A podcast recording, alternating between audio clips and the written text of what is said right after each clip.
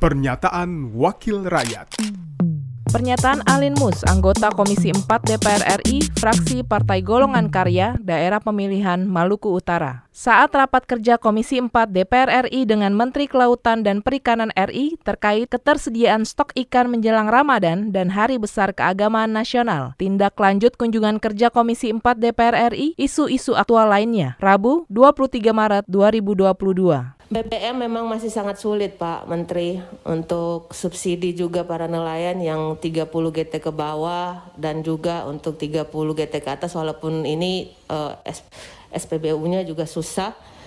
Uh, di Provinsi Sulawesi Selatan memang wilayahnya sangat besar butuh sekali cold storage kalau bisa cold storage portable. Karena memang antara satu daerah ke daerah lainnya memang membutuhkan alokasi ikan Pak Menteri. Walaupun stoknya saya lihat di laporan Pak Menteri di sini Sulawesi Selatan ada, tapi untuk memberikan alokasinya ke daerah-daerah itu ternyata butuh cold storage portable.